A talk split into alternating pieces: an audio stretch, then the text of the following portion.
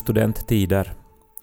Eh, uh, 20 år sedan vi fick studenten, det är ju en kris i sig. Uh, men uh, i alla fall, varje år är det ju så här hoppfulla människor som uh, förbereder sig på en sommar som ju är väldigt speciell för att nu har man liksom klarat av det och den här sommaren som nu inleds så symboliserar ju livet på något sätt. Allt är öppet. Ja, jag minns att för mig var det nog inte bara, det var nog inte bara liksom jubel och glädje utan att det var nog också en sån här avgrund som man känner på sig att vänta på en. Alltså att, att nu är det ju på riktigt de här stora besluten som man måste börja ta. Vad man ska studera, vad man ska göra med sitt liv. Men visste du det? Jag visste bara att yes vad skönt, nu var det liksom gjort, nu har man fått den här mössan, nu får man liksom lash en stund. Nej. Lite som Jesus efter att han uppstod så hade han ju 40 dagar innan han flög upp till himlen. Och under de 40 dagarna... 40 dagar där han bara docka och fjocka. Ja, det var ju MDMA med lärjungarna liksom och bara att yes, jag besegrar döden. Mm. Inte någon mer korsfästelse! Woo! Ja, nej men jag, jag var nog inte som Jesus då, utan att för mig var det nog bara att jag funderade på att okej, okay, Nej men nu har jag ju bara gjort det här som sker så här ganska automatiskt, alltså att man går i högstadiet och gymnasiet och sådär, men att nu nu måste jag faktiskt veta vad jag vill göra. Och det var väl kanske det som var liksom min stress, att jag inte riktigt hade koll på det. Men därför ska du ju nu då uh, som 20-årsstudent så har du nu chansen, du talar till uh, tiotusentals unga människor just nu. Säkert inte alla abin, men ändå en del abin. Mm. Nu har du ju möjligheten att ge råd till dem. Och det är ju det som man ofta gör vid den här tiden. Det skrivs sådana här texter i tidningarna med liksom råd. I USA så har de ju den här Uh, traditionen att hålla sådana här commencement speeches liksom för unga studenter och så här. Mm. Uh, där någon då ska ge så att säga råd för livet. Ja. Och uh, det är ju som nu... Alltså det, det, det är som högsäsong just nu för sånt. Ja. Och jag tänkte att eftersom vi nu har den här plattformen så tycker jag att då jag som 20-årsstudenter borde ge råd. Mm. Råd är ju en sorts nostalgi, har jag sen funderat. För att det är ju att det här önskar jag att jag skulle ha gjort när jag var i din ålder. Är det inte liksom, alltså nostalgi har ju oftast också en sån här, kanske lite mer positivt än negativt. Är det inte så? Nostalgi är väl nog nästan alltid negativt, åtminstone är det liksom oproduktivt. Det är ju alltså på något vis anti-liv. Att jo, man tänker på liksom att oj vad det var, men att man ändå tänker att oj vad det var bra liksom. Att det var, det var, man tänker på någonting positivt. Men att om man ska ge råd, råd sådär att hur man borde ha gjort, då är det ju inte kanske positivt. Ja, du menar så, ja. Nej men alltså nu är det väl också att man kanske som nostalgiserar en sån här äh, osäkerhet också. Så här vid då att man inte visste så mycket. Mm. Men att nu har man som möjlighet då att, äh, att som tala då, liksom som genom en tidsmaskin då till sitt dåvarande jag. Men jag skulle kanske säga att äh, man inte även om det känns så, så behöver man inte stressa så mycket som man gjorde då för att man kommer liksom från ett system där allting är ganska svartvitt. Att antingen så klarar du en tent, eller så klarar du inte en tent. Eller så tog du studenten, eller så tog du inte studenten. Men att efter det här så är det inte lika svartvitt det att du börjar studera någonting så betyder inte nödvändigtvis att du gör det sen i resten av ditt liv eller att du kommer att bara jobba med den där ena saken som du just nu börjar på med. Men sa du just nu att de inte ska stressa? Och då säger du det som ju nog stressar ganska mycket i livet. Nej men alltså i den... Så är det liksom egentligen ett råd till dig själv nu eller till I studenterna? I den situationen, nu? alltså då när jag, alltså för att jag sa ju just alltså att när jag hade tagit studenten så stressade jag väldigt mycket för att jag inte visste vad jag ville bli. Och det var kanske det rådet som jag skulle säga åt mig själv då och som andra som är var då, eller är då i min situation, att man inte riktigt har koll på vad man vill göra. Så man behöver inte stressa med det. Det viktiga är att man börjar med någonting. Istället för att liksom bli helt förlamad av eh, att, att man inte kan välja. Det är ju inte bra. Då är det bättre att man bara börjar då med någonting som det är lätt att komma in på och så börjar man studera det och sen under det året, så då kanske man inser mer vad man vill göra när man kommer mera i kontakt med olika fakulteter och andra människor och sådär. Det där är ju inte ett råd, det där är ju som att ja men gör vad som helst, det spelar inte någon roll, du kan vara bara, effekten nose. Och liksom, nu vet vi ju att en stor del av alla som tänker så, så blir ju hemlösa och drogmissbrukare sen. Ja, men sen är det då vissa då som, som som inte blir det. Att nu är det ju bättre att säga att liksom skapa en plan och stick to it. Nej, Men det är ju det där som är, för att man är inte kapabel till att skapa en plan som 19-åring. Det är helt omöjligt att man som 19-åring ska ta det beslutet att nu bestämmer jag vad jag ska pensionera mig som. Det är totalt orimligt och det är det jag försökte säga att man behöver inte ta den planen. Inte man ju ett barn längre, inte, inte de är ju så hjälplösa, dagens 19-åringar. Nu vet de ju en hel del. Jo, de vet en hel del men man är ganska hjälplös så här med till det liv man kommer för att man saknar erfarenhet från det livet. Man kommer från en skolmiljö och skolmiljön motsvarar verkligen inte eh, riktiga livet. Det här, det här får lite ihop med min teori om läraryrket också. Det finns ju väldigt många dåliga lärare också och jag tror att det beror delvis på att de saknar erfarenhet från riktiga livet. Alltså att det är väldigt många lärare som går först i högstadiet och sen går de i gymnasiet och sen direkt efter gymnasiet så tar de studenten och så börjar de studera till lärare, så de studerar snabbt till lärare och så börjar de jobba på en skola. Alltså att de befinner sig liksom, de är alltid i skolmiljön. De kommer aldrig bort från det där, de får aldrig distans till att gå i skola. Mm. Och jag tror att det är jätte, jätteviktigt det för, för alla människor att man kommer bort en stund från den här skolmiljön. Sen kan man fara tillbaka som lärare. Men jag tror, jag har en teori om att dåliga lärare är sådana som saknar lite, alltså att de skulle behöva lite mer erfarenhet från hur livet är på riktigt också. Ja, nu har man ju haft kanske 60 lärare i sitt liv och kanske 50 av dem har ju inte varit så speciellt bra lärare. Nej. Så att eh, jag menar, det har ju att göra med så många saker. Det har ju att göra med utstrålning, karisma, sen eh, liksom hur pass mottaglig man är för det ämnet som den läraren undervisar just då. Men det är så mycket, alltså som idag när man är vuxen, när man tänker över på när man tänker tillbaks på de dåliga lärare man har haft och så tänker man att tänk att det var en vuxen som reagerade sådär. Tänk att det faktiskt var en vuxen människa som sa sådär eller gjorde sådär. Där det, där det liksom då så bara accepterar man det men så här nu 20 år senare så konstaterar man att det här var inte på något sätt normalt det. Alltså att en vuxen människa med distans till skolan ska inte reagera på det där sättet. Mm, nej men du har helt rätt.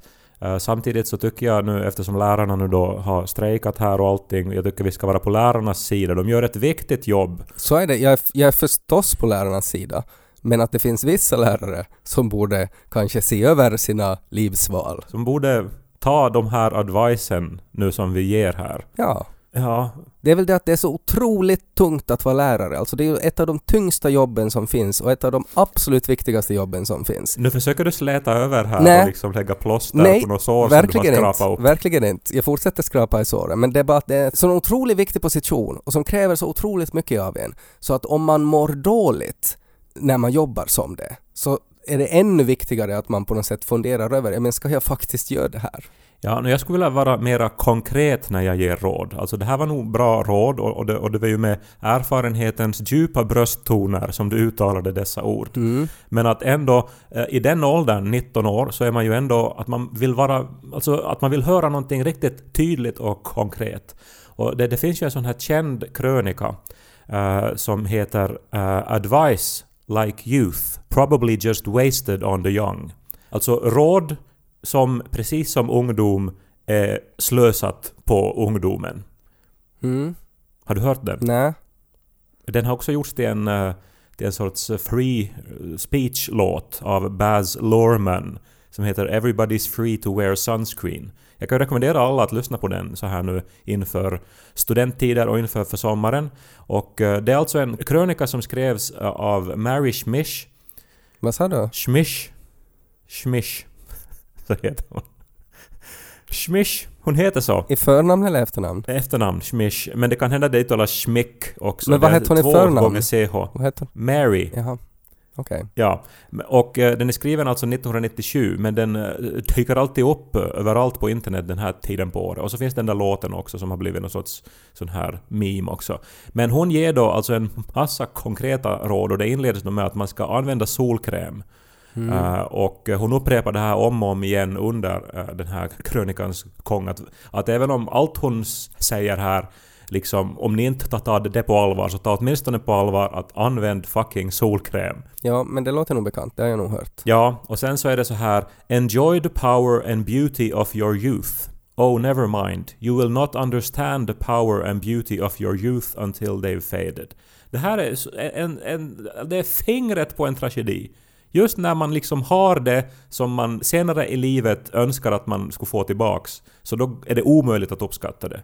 Du kommer alltid senare i livet att se tillbaks på när du var 19 och tänka att det där var nog en fantastisk tid. Men när du är 19 så är det bara som att fucking 19. Ja, men så är det ju. Do one thing every day that scares you. Det är väl kanske den mest kända raden från den här krönikan. Eh, det låter lite som så här, jag vet inte, som någon sorts... eh, som man skulle skriva på en vägg så här om man har dålig smak. Men ändå, alltså på riktigt, låt inte rädsla styra livet utan embrace... Man ska sitta hemma då och titta på Nightmare on Elm Street varje dag. Ja, om man är 11 år så kanske det är det som, som skrämmer en. Jag tror det är nog K18 den filmen. Don't be reckless with other people's hearts. Det tycker jag är också jättefint sagt. Alltså man tänker att ja men nu är vi så här unga liksom, nu måste vi som bara kunna alltså på något vis eh, leva livet, play around, inte liksom ta saker och ting på så stort allvar. Men var försiktig med andra människors hjärtan. Mm. Jättebra råd. Använd tandtråd, säger hon också. Spara dina gamla kärleksbrev, men släng bort dina kontoutdrag. Det här är kanske till min mamma nu då ett råd, som sparar sina kontoutdrag sedan 70-talet, men eldar upp alla såna här brev från sin ungdom. Mm. Stretcha! Ta hand om din kropp. Läs inte skönhetstidningar, för de får dig bara att känna dig ful. Lär känna dina föräldrar, för du vet aldrig när de är borta. Och var snäll mot dina syskon. Det är som en rad såna här råd. Jag tycker den här texten är bara helt så här fantastisk. Men det är väl också att jag är ju då 20 år äldre nu. Så att jag förstår ju att den är fantastisk. Men som 19-åring så skulle man ju inte förstå kanske att den är fantastisk. Nej. Men jag skulle vilja bidra då med ett eget råd. Nu har jag ju bara läst och jag, och jag har läst inte allting här. Jag rekommenderar att ni lyssnar på Everybody's Free to Wear Sunscreen idag. Eh, men mitt eget råd, och jag har funderat på det här nu att är det här nu då ett bra råd eller inte? För mig är det ett bra råd, men det kan också vara eh, destruktivt. Omfamna din ilska. Lär dig att vara förbannad. Tillåt dig att vara förbannad. Använd din ilska som en motor. Ja, det är ju sådär på gränsen nog till destruktivt. Men att om alternativet är att man liksom brakar ihop, så då är det ju alltid väl bättre att bli arg. No, det är väl precis det. För att jag tänker att just när man är så här 19, så då är det så tabubelagt att på något vis blow one's cool och bli förbannad. Och om man liksom på något vis har ändå den här osäkerheten, speciellt när äldre människor då, som jag nu då ger råd, så är man så här att ja, ja, no, men okej, och ja, bra sagt och mm, ja, okej, möjligtvis är det så det. Men man har liksom inte som 19-åring alltid det där modet att på något vis stå upp för sig själv och uh, säga ifrån man är på något vis så beroende av vad andra gör och tycker. Alltså förstås, det här är ju också upp till personlighetstypen. Men i alla Mm. fall, jag vet att jag, att jag var så på något vis låst i eh, andra människors makt över mig själv och vad andra ville att jag skulle vara. Det är väl precis det, för att man kommer ju från, alltså, man kommer ju från att vara barn. Man kommer från en skola där man måste lyda.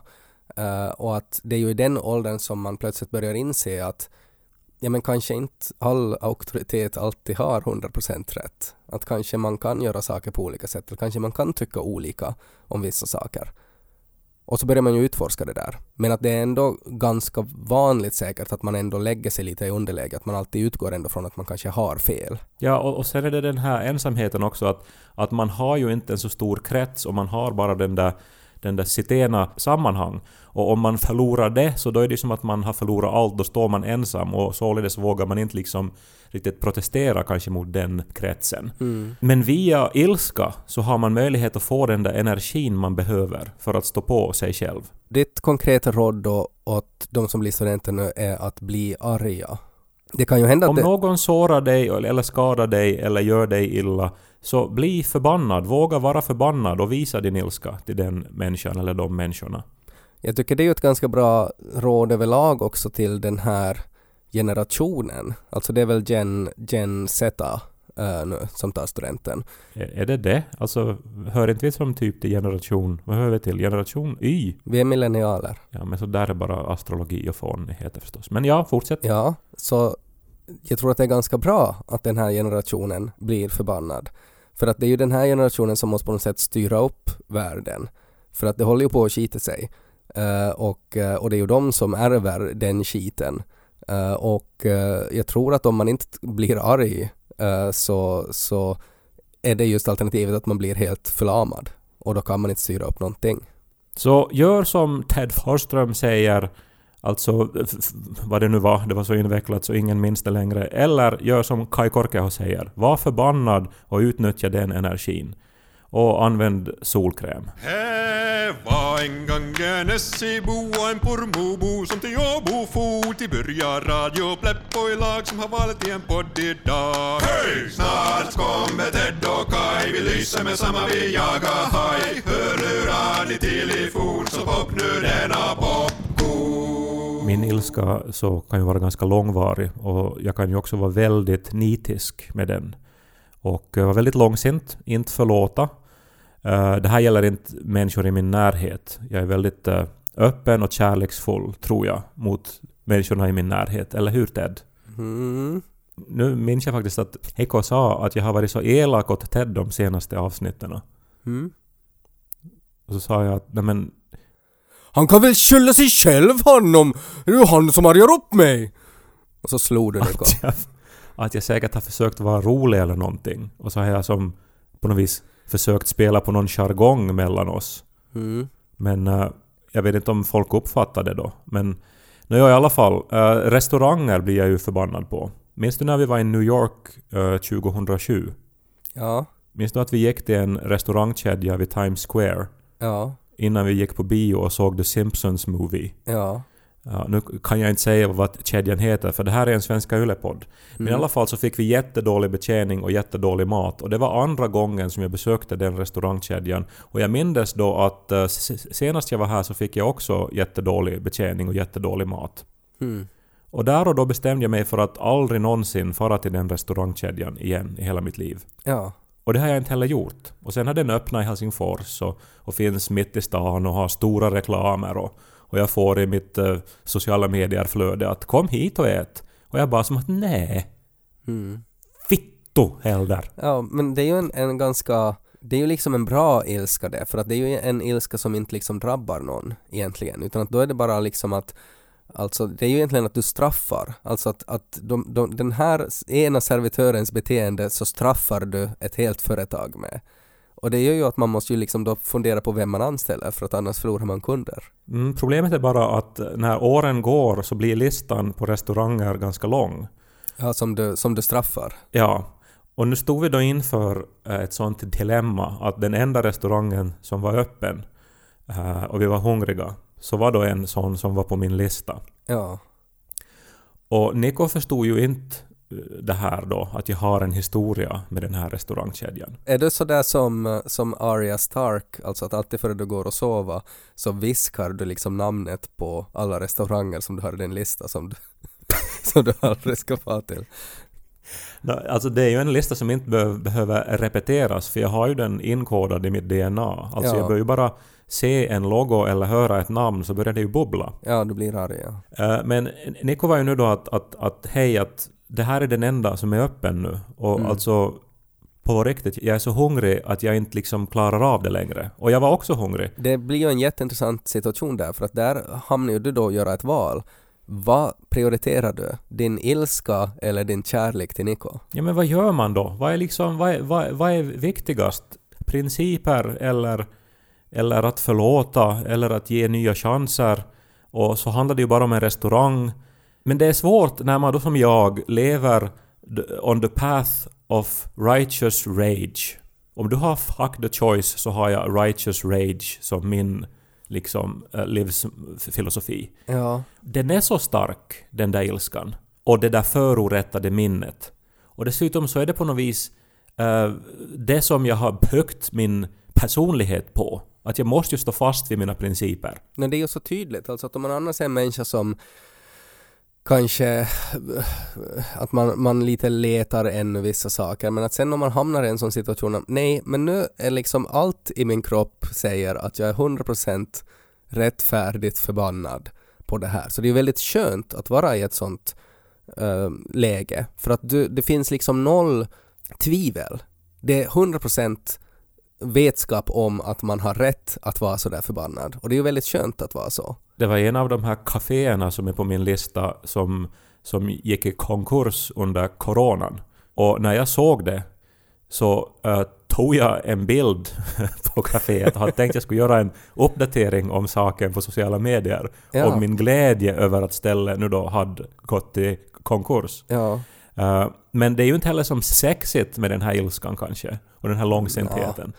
Nej, det beror ju på, alltså det är ju, nog, det är ju också nog ett väldigt gubbigt drag. Alltså att, att sen om 20 år till när det börjar printa ut sådana där konkursgrejer och, och liksom klistra upp dem på väggen och dra röda streck och skriva upp datum och sådär. Så då, då tycker jag ju synd om Niko för då har du ju, då har du liksom när det där är sen det enda du har kvar i livet. Men att det är gubbigt att hålla fast vid sina principer. Nej men sådär, alltså för jag tänker i husbolag, så det där righteous rage kan ju också vara alltså för att någon gubbe tycker att att i det här husbolaget så ska man gå på den här stigen och man får absolut inte gå mellan de där båda träden och då blir det då en sån här righteous rage som aktiveras. Och då är det ju liksom svårt att hålla med i det men att, att för sådana gubbar så kan det ju vara att det är det enda de har kvar i livet. Det är det enda som ger dem energi längre. Jag tror också att det är såna kubbar som upprätthåller vårt samhälle. Och att utan dem och deras principer så är det mycket som vi ändå vill ha som skulle på något vis fallera ner i någon sorts kaos. Ja, no, det är jag ganska skeptisk till. Tog du bort det från listan då, när den gick i konkurs, det här kaféet? No, det, alltså, jag var ju, alltså, då hade jag ju lyckats. Eller som, Ja. då var ju mitt mål uppnått. Då hade ju Arya Stark matat den här Lord Frey med hans söner. Exakt. Så det var, det var liksom mission complete då.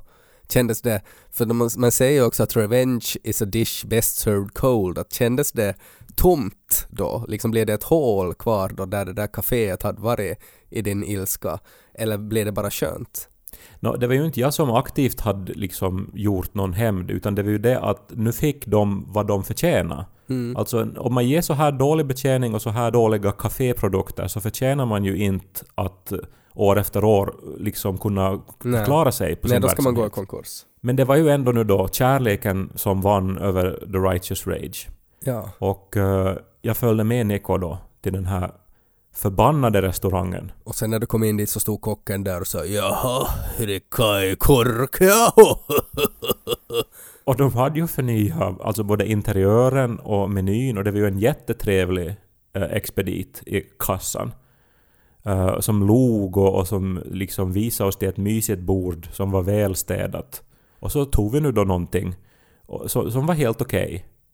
Men sen, när ni skulle betala, Men det var svårt för mig att äta ändå. Det var som, alltså jag var som ultra medveten om varje tugga och varje detalj i restaurangen. men kände du dig fånig då som hade haft ett sånt här, en sån här ilska sådär länge mot den här restaurangen? Om den nu då var helt okej? Nu inte vet jag fånig, för alltså det var ju nog en verklig upplevelse som satte restaurangen på den där listan. Och den absolut förtjänar att vara på listan. Men det så som jag kanske nu då ändrar då i min eh, Righteous Rage-strategi efter det här då. När det visade sig att det faktiskt ändå var en helt, helt bra upplevelse nu den här gången. Är att den här eh, listan måste uppdateras en gång på två år. Just det, att du, bor, du, du har liksom egentligen en timer, alltså att, att sen efter två år så går du till restaurangen och ser om, om ilskan gäller fortfarande. Ja, eller jag måste inte gå dit, men att då efter två år så, så då är liksom inte... Då är den så att säga inte i karantän längre. Mm. Utan då i nödfall då så, så går det då att liksom ge den en ny chans. Men om den då misslyckas så då liksom är den för alltid bannad. Då skulle Niko få svälta ihjäl där på gatan. Då hjälper inga tårar. Veckans tycker jag intressantaste nyhetsklipp så var det här talet som George W. Bush höll i Florida, tror jag det var, där han då alltså säger fel eh, på ett ganska ödesdigert sätt. Han alltså avslöjar sig själv. Eh, jag antar att du hörde det här. Ja, han sa Irak istället för Ukraina. Ja, men det är nog inte så enkelt bara att han liksom sa fel land. Men tror Alltså, du, alltså att om, om man har en sån här felsägning, tror du att det tenderar avslöja liksom en människa. Alltså att en felsägning aldrig bara är en felsägning. Alltså definitivt, och speciellt i det här fallet, för alltså den här meningen som, som leder upp till felsägningen så är ju som säkert de anklagelser som har riktats mot George W. Bush under 20 år och som han kanske innerst inne också har känt att eh, ja, eh, det som vi gjorde då, det som jag var med och eh, planerade och som jag då godkände och gav den slutgiltiga ordern om att göra, så, så var ju precis lika egenmäktigt och eh, lögnaktigt och fel som det som Putin gör i Ukraina just nu. Eller så var det bara för att han är van att hålla presskonferenser om Irak och nu när han höll en presskonferens om ett annat land så blandade han ihop det. Jag, vet, jag, alltså, jag, jag är inte helt övertygad om att det här konceptet med Freudian slip, alltså att det faktiskt alltid på något sätt avslöjar någonting om ens inre. Jag tror att man ibland också bara kan säga fel. Ja, men det här visar ju nog att vad som har varit top of mind i hans liv och säkert någon sorts uh, alltså ont samvete och så vidare. Och sen också så skulle man ju tro att USAs liksom före detta president är så pass mediatränad att han skulle veta att det är inte bra att en som han håller tal om att uh, orättfärdigt invadera ett annat land. Alltså det är som ett ämne som han måste undvika för resten av sitt liv. Ja. Men det var så intressant, eh, om, vi nu, om jag lite får återknyta till den här texten som jag läste i inledningen, alltså det här råden till unga människor som fanns i Mary Schmichs text. Så en av de här råden är också att... Uh, Don't invade another country. att man måste acceptera vissa sorts sanningar som att saker och ting blir dyrare, uh, politiker kommer att göra uh, tomheter, du kommer att bli äldre och när du är äldre så kommer du att fantisera om att när du var ung så var allting mycket billigare politiker var nobla och barn respektera de äldre. Mm. Men att det kanske alltid måste bli så. Nej, det kommer alltid att kännas så i alla fall. Ja, e- exakt. Alltså att, eh, att eh, det stämmer ju så, så bra med oss att även om... Jag minns ju hur arga vi var och, och liksom uh, hur mycket det skrevs om George W. Bush och vilken idiot han var. Mm. Att han var så här outbildad och liksom... Alltså helt enkelt en fåntratt. Men jämfört med det vi har sett de senaste åren med Trump så, så var han ju alltså, han var ju Moder Teresa. Mm. Och är det här liksom då ett faktum att gränserna har förskjutits? Eller är det också på något sätt att när man är äldre så, så, så, så liksom upplever man att i jämförelse med hur det var då så är det som värre nu? Så är det ju, och det är ju så mycket av det där som Alltså för det är ju alltid värre för en själv. För man är alltid äldre och upplever att man har det lite värre än när man var 19. Så det, det är ju, psykologiskt blir det ju väldigt lätt så, alltså att, att det är sämre än vad det var. Så vad kommer man tillbaks till då? Till det här mest allmännyttiga rådet som finns att ja men ta vara nu på den här tiden och, och för sen så kommer du nog att komma ihåg när du var 19, oj oj. För, för så är det ju, det är ju det, är ju det där som folk säger när de kniper en i kinden på studentfesten. Och då ska du bli förbannad. Då ska du, då ska du punch that granny in the face. Om du inte vill eh, bli klämd på kinden. Hon har ingen rätt att invadera din private space.